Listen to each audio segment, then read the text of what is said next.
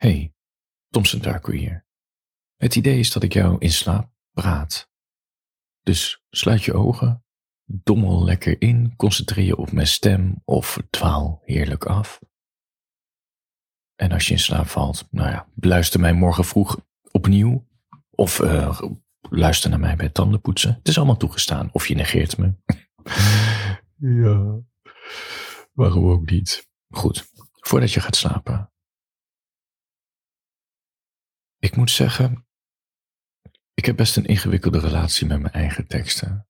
En misschien is het, nou ja, als ik wel eens naar podcasts luister en naar andere schrijvers, denk ik dat heel veel schrijvers dit hebben. Het is niet zwart-wit. Ik heb niet, ik haat mijn teksten niet. Maar het is ook niet dat ik overloop van liefde ervoor. Het, zit, oh, ja, het is een heel ingewikkeld iets. Als ik heel erg mee, als ik gewoon aan het schrijven ben, dus conceptteksten, die weet je dan, uh, dan schrijf ik een tekst en een paar dagen later ga ik weer een beetje corrigeren. Soms is die dan meteen aan het corrigeren af. Sommige teksten hebben wel meer tijd nodig. Maar goed, op een gegeven moment is het af. En dan zet ik het klaar voor Naomi. Zij kijkt mijn uh, teksten na die ik naar mijn petje afsteuners stuur, vier dagen in de week. En dan plan ik het in. En dan is het helemaal weet je, ik heb er geen controle meer op. En ik voel er ook helemaal niks meer bij. Dat is heel gek. Gewoon, eigenlijk heb ik er meer soort van, ik durf er niet meer naar te kijken. Want als ik er naar kijk, dan weet ik dat iedereen het heeft gelezen. En ja, stel je nou eens voor dat ik iets zie wat helemaal niet klopt, dan kan ik er niet meer aanpassen. Dus er treedt een heel gek gevoel van schaamte of zo op, die ik dan niet wil opwekken. Dus ik negeer mijn teksten maar. Nou ja, weet je, op zich is het geen probleem. Tekst is af, krulletje erdoor de wereld ingeslingerd. Wat, wat, wat wil je er nog meer mee? Maar ik ben nu aan het kijken om wat teksten te selecteren voor iets nieuws. Om een bundeltje te maken. Ja, dan werkt het natuurlijk niet dat ik zoveel afkeer heb bij mijn eigen teksten. En, en de teksten die ik heel leuk vind, dat heb ik wel in het verleden gemerkt dat zit dan, die argumenten waarom ik een tekst goed vind, dat zit dan meer in de techniek of zo, of, een vet onderwerp wat ik heb gelezen. Ja, dat raakt dan weer niet anderen. Terwijl het idee is met een bundel dat ik gewoon mensen, zoveel mogelijk mensen wil raken. Dus ik heb iemand gevraagd om die teksten te selecteren. Een petje af Engel. Ik heb haar gezegd van, nou, dit is het onderwerp. Wil je door mijn mailarchief gaan? Dit is de link. En selecteer 20 teksten, 25 teksten. Uh, ja, als een soort longlist voor een nominatie. En ze kwam best wel snel terug, al na een weekje of zo. Met, nou ja, ik heb ze in een Google Docs gezet, dit zei ze. En ik moet je eerlijk bekennen, ik ging naar mijn eigen teksten lezen door, door mijn hand voor mijn ogen te doen. En dan zo die vingers een beetje wijder doen, dat je er doorheen kijkt. Ja, het is echt heel gek. Ik voel soms bij het herlezen van mijn tekst een soort schaamte opkomen. Heel vaak is het neutraal. Soms denk ik, lekker stukje, Thompson. Maar nu, zij al deze teksten had, maar, en ik las hem, deze tekst heb ik, weet ik veel, in twee jaar tijd geschreven in verschillende periodes. Dus ze zijn allemaal los van elkaar uh, gepubliceerd. Maar nu ik het las, zag ik een soort rode draad erin. En een of andere manier, ja, dat gaat weer heel corny klinken, maar ik ben een beetje verliefd op mijn eigen teksten. Wat betekent dat ik dus via de ander, Gwen in dit geval, op een liefdevolle manier naar mezelf kan kijken. Gek is dat, hè? Het is een soort derde oogmechanisme. Dus iemand anders moet ons valideren, ja, ingewikkeld woord, maar bevestigen of, of op een bepaalde manier een getuige zijn zodat we zelf weer toegang krijgen tot, tot ook een soort vorm van objectiviteit of een soort, ja. Nou ja, misschien moet ik je wat vertellen over mijn middelbare schooltijd, als je het oké vindt, voor je gaat slapen. Waar dit principe ook in een andere mate in voorkwam, voor je gaat slapen. Er was een meid op mijn middelbare school, echt iedereen kende haar, iedereen. En het kwam omdat ze ja, ik weet niet eens hoe ik haar moet... Ze heet Brit trouwens. Ze was niet heel groot. Maar ze had al wel, als vergelijking met de andere meiden, vrouwen op school, ja, een meer volwassen lichaam. Dus dat, weet je, dat trekt de aandacht van de ogen. Er zat ook iets mystieks om haar heen. Het, je bleef naar haar kijken, maar het was niet een model of zo. Ik weet, ja, het is moeilijk te zeggen. Het was niet een. Je hebt soort van een paar van die type meiden, weet ik veel, een Taylor Swift-achtige vrouw. Lang, blond, open gezicht. Weet je, dat valt op. Ik kan me voorstellen, ik weet ik ken, ik ken helemaal niks van Taylor Swift, maar ik kan me voorstellen dat zo'n meid heel populair is op school. Ik had niet het idee dat Brit per se populair was, maar iedereen kende haar wel en, en keek naar haar. En ja, en vooral de jongens natuurlijk.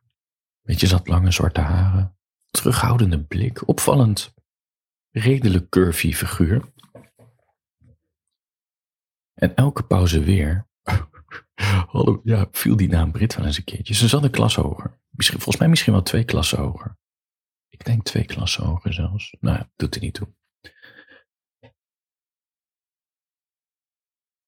En ik zat natuurlijk ook wel een stiekem te kijken in de pauze naar haar. Maar ik maakte hem ook geen illusies. Hè? Ik bedoel, ze was niet alleen veel ouder, maar wat had ik überhaupt te bieden?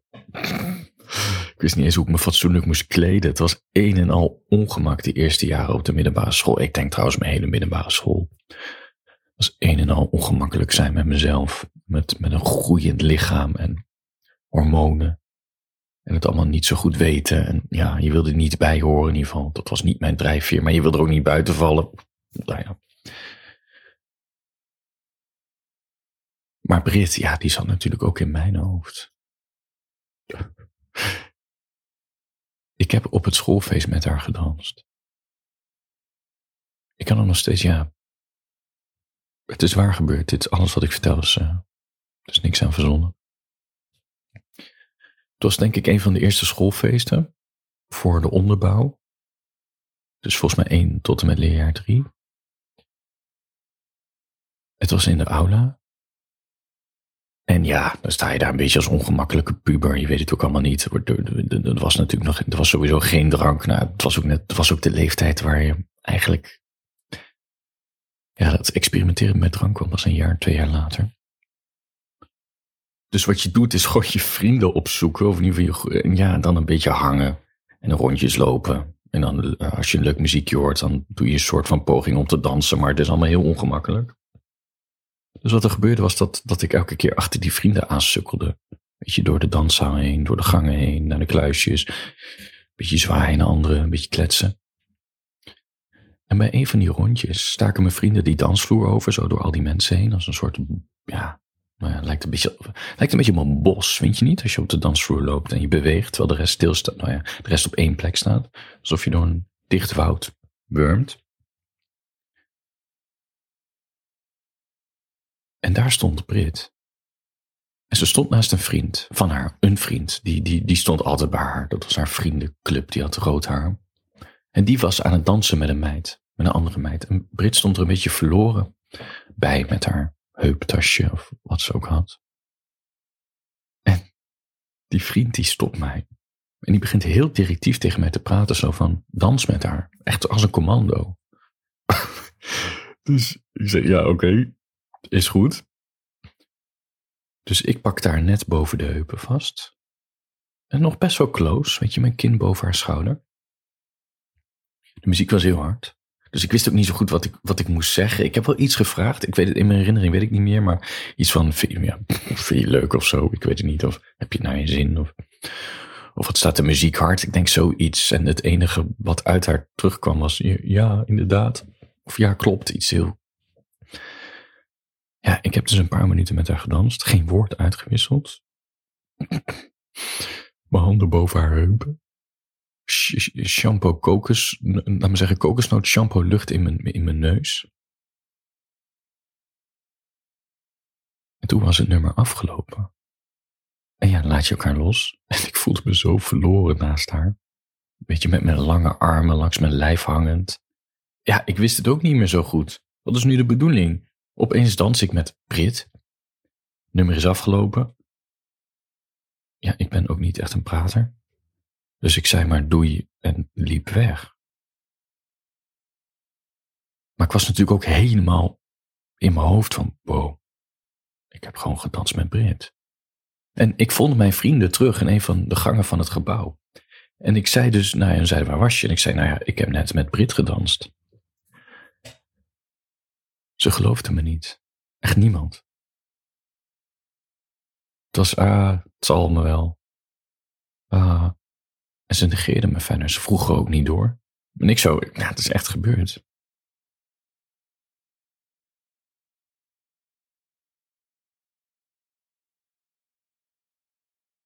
Op de een of andere manier, we hebben getuigen nodig voor wat we meemaken. Het zit best diep in ons, hoe we als mensen, nou ja, ik zou het bijna zeggen werken, maar het is een beetje een gek woord, hoe, hoe, onze, hoe onze levens zijn uh, georganiseerd. Dat zie je onder andere terug in rituelen. En, en nou, bijvoorbeeld, dan kom ik zo terug op die rituelen. Kijk, een van de eerste dingen die kinderen doen als ze de wereld om zich heen beter beginnen te begrijpen. En ze nog niet helemaal kunnen praten, maar wel wat woorden kunnen zeggen. Dat is dat ze uh, wijzen naar iets, wat ze zien. En dan heel enthousiast. Kijk, kijk, kijk, kijk. En dan zoeken ze bevestiging bij je. Dus ze zoeken een getuige van wat ik zie, zie jij dat ook. Hebben we, zitten we in dezelfde realiteit? Eigenlijk is dat het. Want ja, moet je je voorstellen, je wordt geboren, je kijkt naar de wereld, je hoort dingen, je ziet dingen, je ruikt dingen. Maar hoe weet je nou zeker dat wat jij ziet de ander ook ziet? Dat je een gemeenschappelijke ja, uh, bewustzijn hebt eigenlijk. Maar ja, meer realiteit. Dus wat kinderen doen is continu checken wat ik ervaar, ervaar jij dat ook? En nou ja, daar, daar, dat, dat creëert een soort van rust of ontspanning.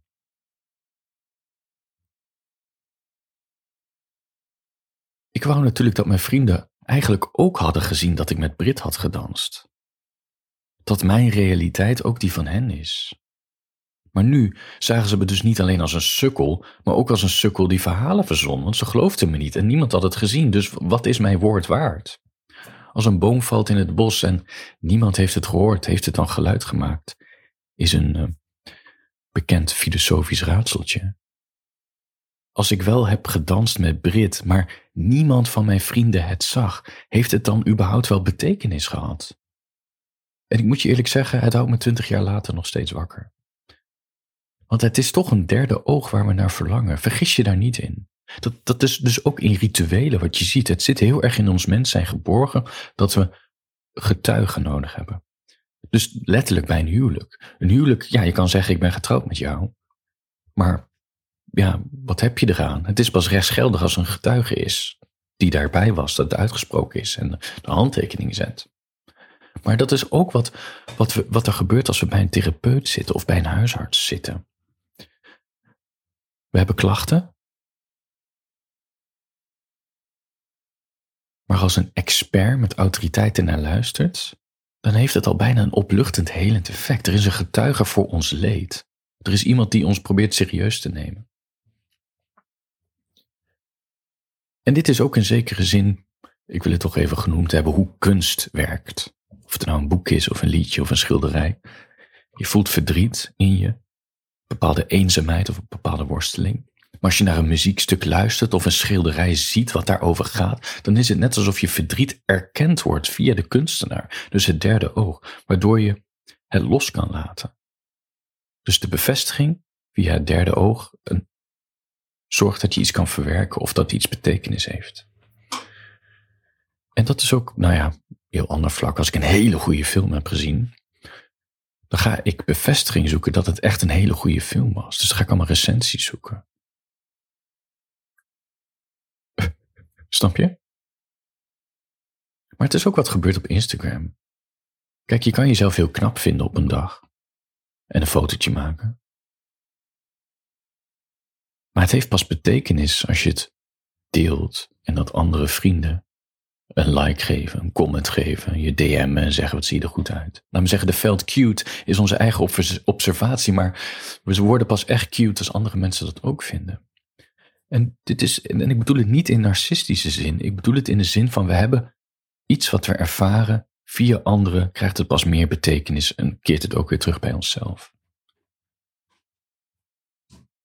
En dit onderstreept volledig het idee van Lacan, Franse psycholoog, uh, filosoof, psychotherapeut trouwens. Ik heb wel eens wat vaker over hem verteld. Hij zegt dat we pas bestaan via de bevestiging van de ander. Zij is er heel hard in. Onze identiteit komt niet vanuit onszelf. Het komt altijd via onze omgeving als een spiegel. Dus hoe mensen op ons reageren, zo bouwen we ons gevoel van een ik op, van ons identiteit. Dus de wereld om ons heen is een spiegel van wie we zijn. En hebt een andere Franse denker, die heet uh, Sartre. Uh, de romanschrijver, filosoof. De lover van Simone de Beauvoir. Bekend van de existentiële filosofie, waar ook Simone de Beauvoir, uh, die, die hebben ze eigenlijk met z'n tweeën ontwikkeld. Simone de Beauvoir kennen we onder andere van het baanbrekende boek De Tweede Sekse. Dat put uit die filosofie van hun beiden. Al hebben ze beiden een eigen invalshoek aangegeven. En jou. Sartre noemt onze innerlijke beleving van onszelf het subject. Dus hoe we onszelf ervaren, subjectief, subject. Maar als de ander naar ons kijkt, dan worden we het object. Snap je? De ogen van de ander, die. The eyes of the beholder, laat maar zeggen. En dat is best frustrerend, want dat is natuurlijk wat uit vergrote zin wat er met vrouwen gebeurt, die zich aantrekkelijk kleden en over straat lopen, die worden een object van de ogen van de hongerige mannen of vrouwen. Maar in ieder geval de mensen die lopen te staren. En dat is een heel gek gevoel, want dat, dat, dat, subjectieve gevoel dat je van jezelf hebt verandert dan. Ja, het, is, het is naar om als object gezien te worden. Sartre had er wel een oplossing voor. Die zei: een manier om weer een subject te worden, dat is terugkijken naar de mensen die ons beoordelen en veroordelen. Dus als je op straat wordt nagestaard, keihard terugstaren en je wordt weer een subject. Maar als we deze wijsheid van Sartre op mijn geval leggen, dat is eigenlijk denk ik wat de boodschap is. Als mijn vrienden dus niet bevestigen in, in wat, wat ik subjectief heb ervaren. Nou ja, eigenlijk, laat ik het anders zeggen.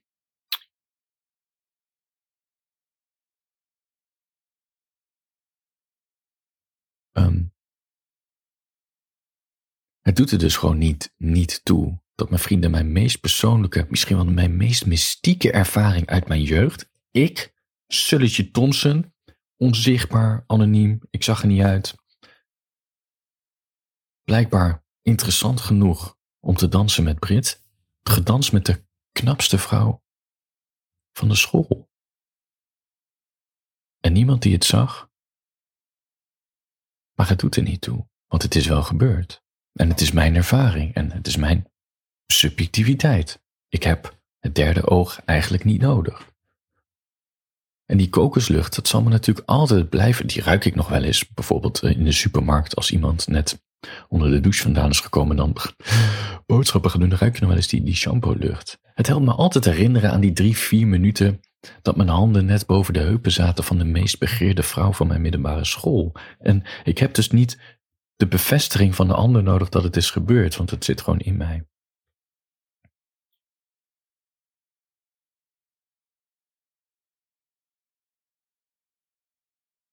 Tegelijkertijd besef ik ook, nu ik dit zo uitspreek naar jou, dat de Brit in dit verhaal natuurlijk het ultieme object is.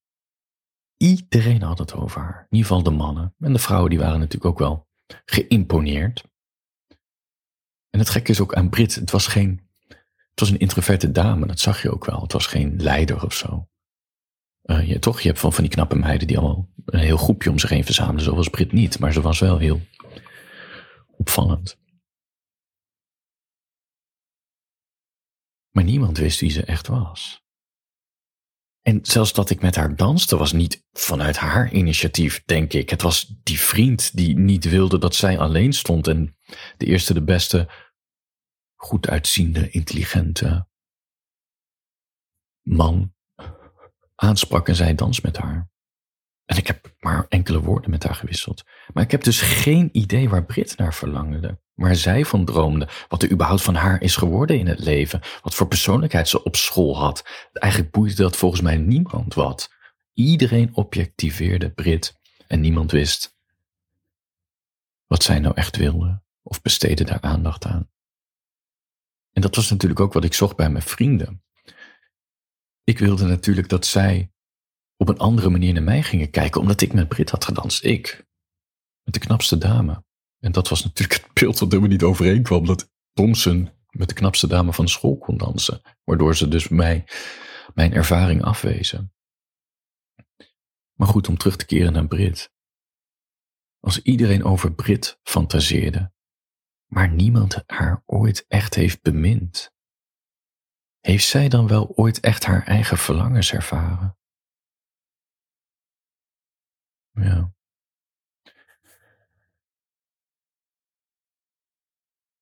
Ik weet haar achternaam niet.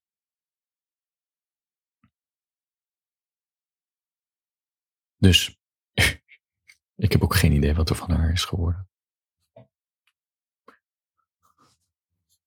Ik kan het niet googlen, bedoel ik. Terwijl ze wel zo levendig in mijn hoofd zit.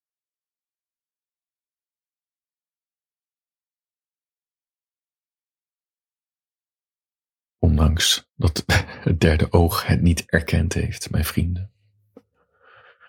En terugkijkend denk ik erom waren niet eens echt mijn vrienden. Het was, ik hing gewoon een beetje tussen twee groepjes in. Dus de groepje, deze, dit groepje was, bestond nog uit mensen die ik van de basisschool kende, met wat andere mensen erbij. En er was een ander nieuw groepje, die zie ik trouwens nog steeds. Maar daar was ik niet mee op het feest. Ja.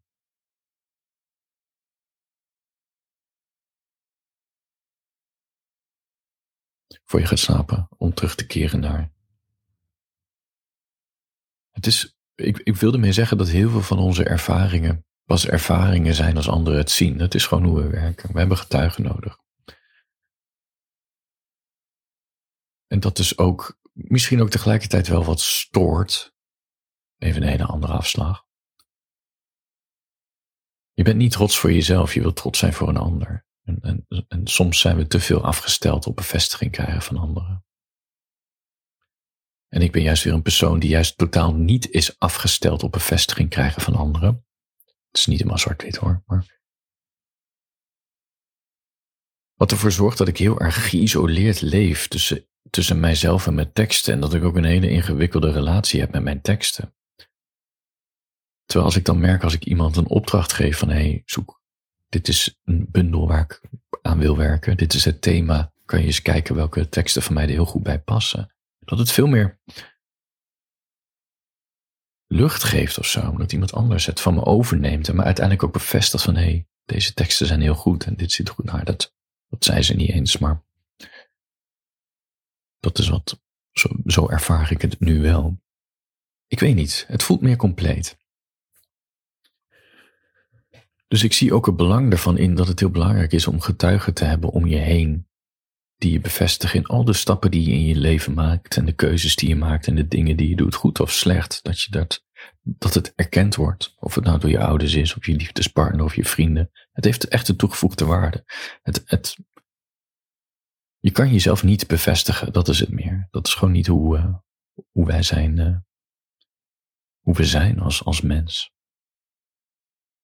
We hebben die getuigen nodig. En sommige aspecten zullen we nooit die erkenning krijgen. Zoals met Brit. Ik bedoel, ja, je hebt het gezien of niet. En waarschijnlijk iedereen die het zag, die heeft het helemaal niet onthouden. Ja, dat moet je dan maar. Uh, nou ja, in zekere zin creëer ik nu een derde oog door het te vertellen aan jou. Dus uiteindelijk krijg ik toch de erkenning dat ik gedanst heb met Brit, omdat jij dit verhaal hebt gehoord. Dan krijgt het toch meer, weer meer waarde. In ieder geval ook voor mij. Snap je? Nou ja. Ja. Brit.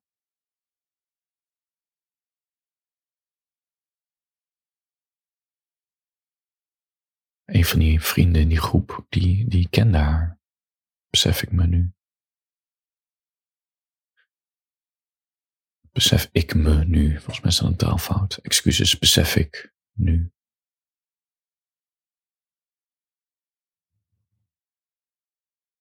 Maar ja. Alsof Brit over mij heeft opgeschept. Nee, het is daar gewoon gestorven op de dansvloer.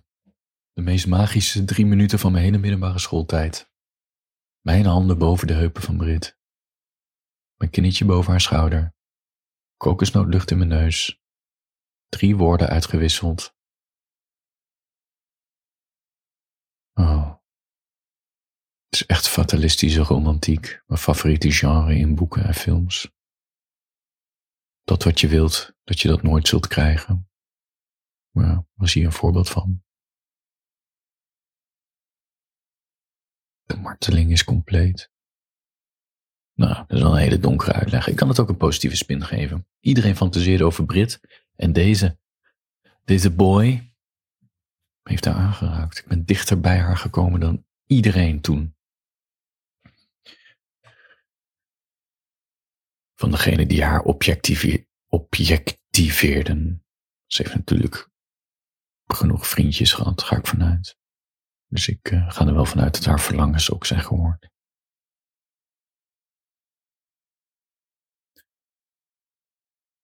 Ze zal vast wel een vriendje hebben gehad die vier, vijf jaar ouder was. Het is altijd bij dit soort meiden, toch? Meiden zijn altijd wat sneller volwassen op die middelbare school. Vinden oudere jongens ook interessanter, want dat zit meer bij een ontwikkelingsniveau.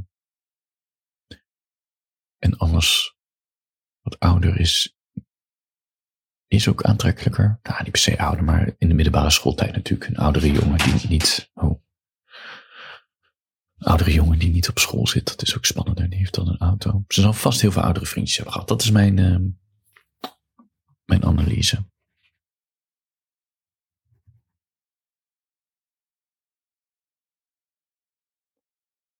Als je in slaap bent gedommeld, het codewoord is viltstift. Ik hoop dat je droomt over een viltstift.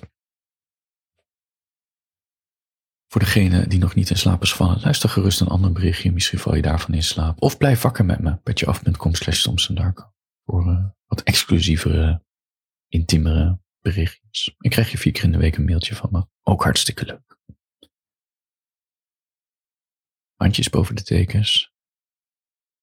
Slaap lekker.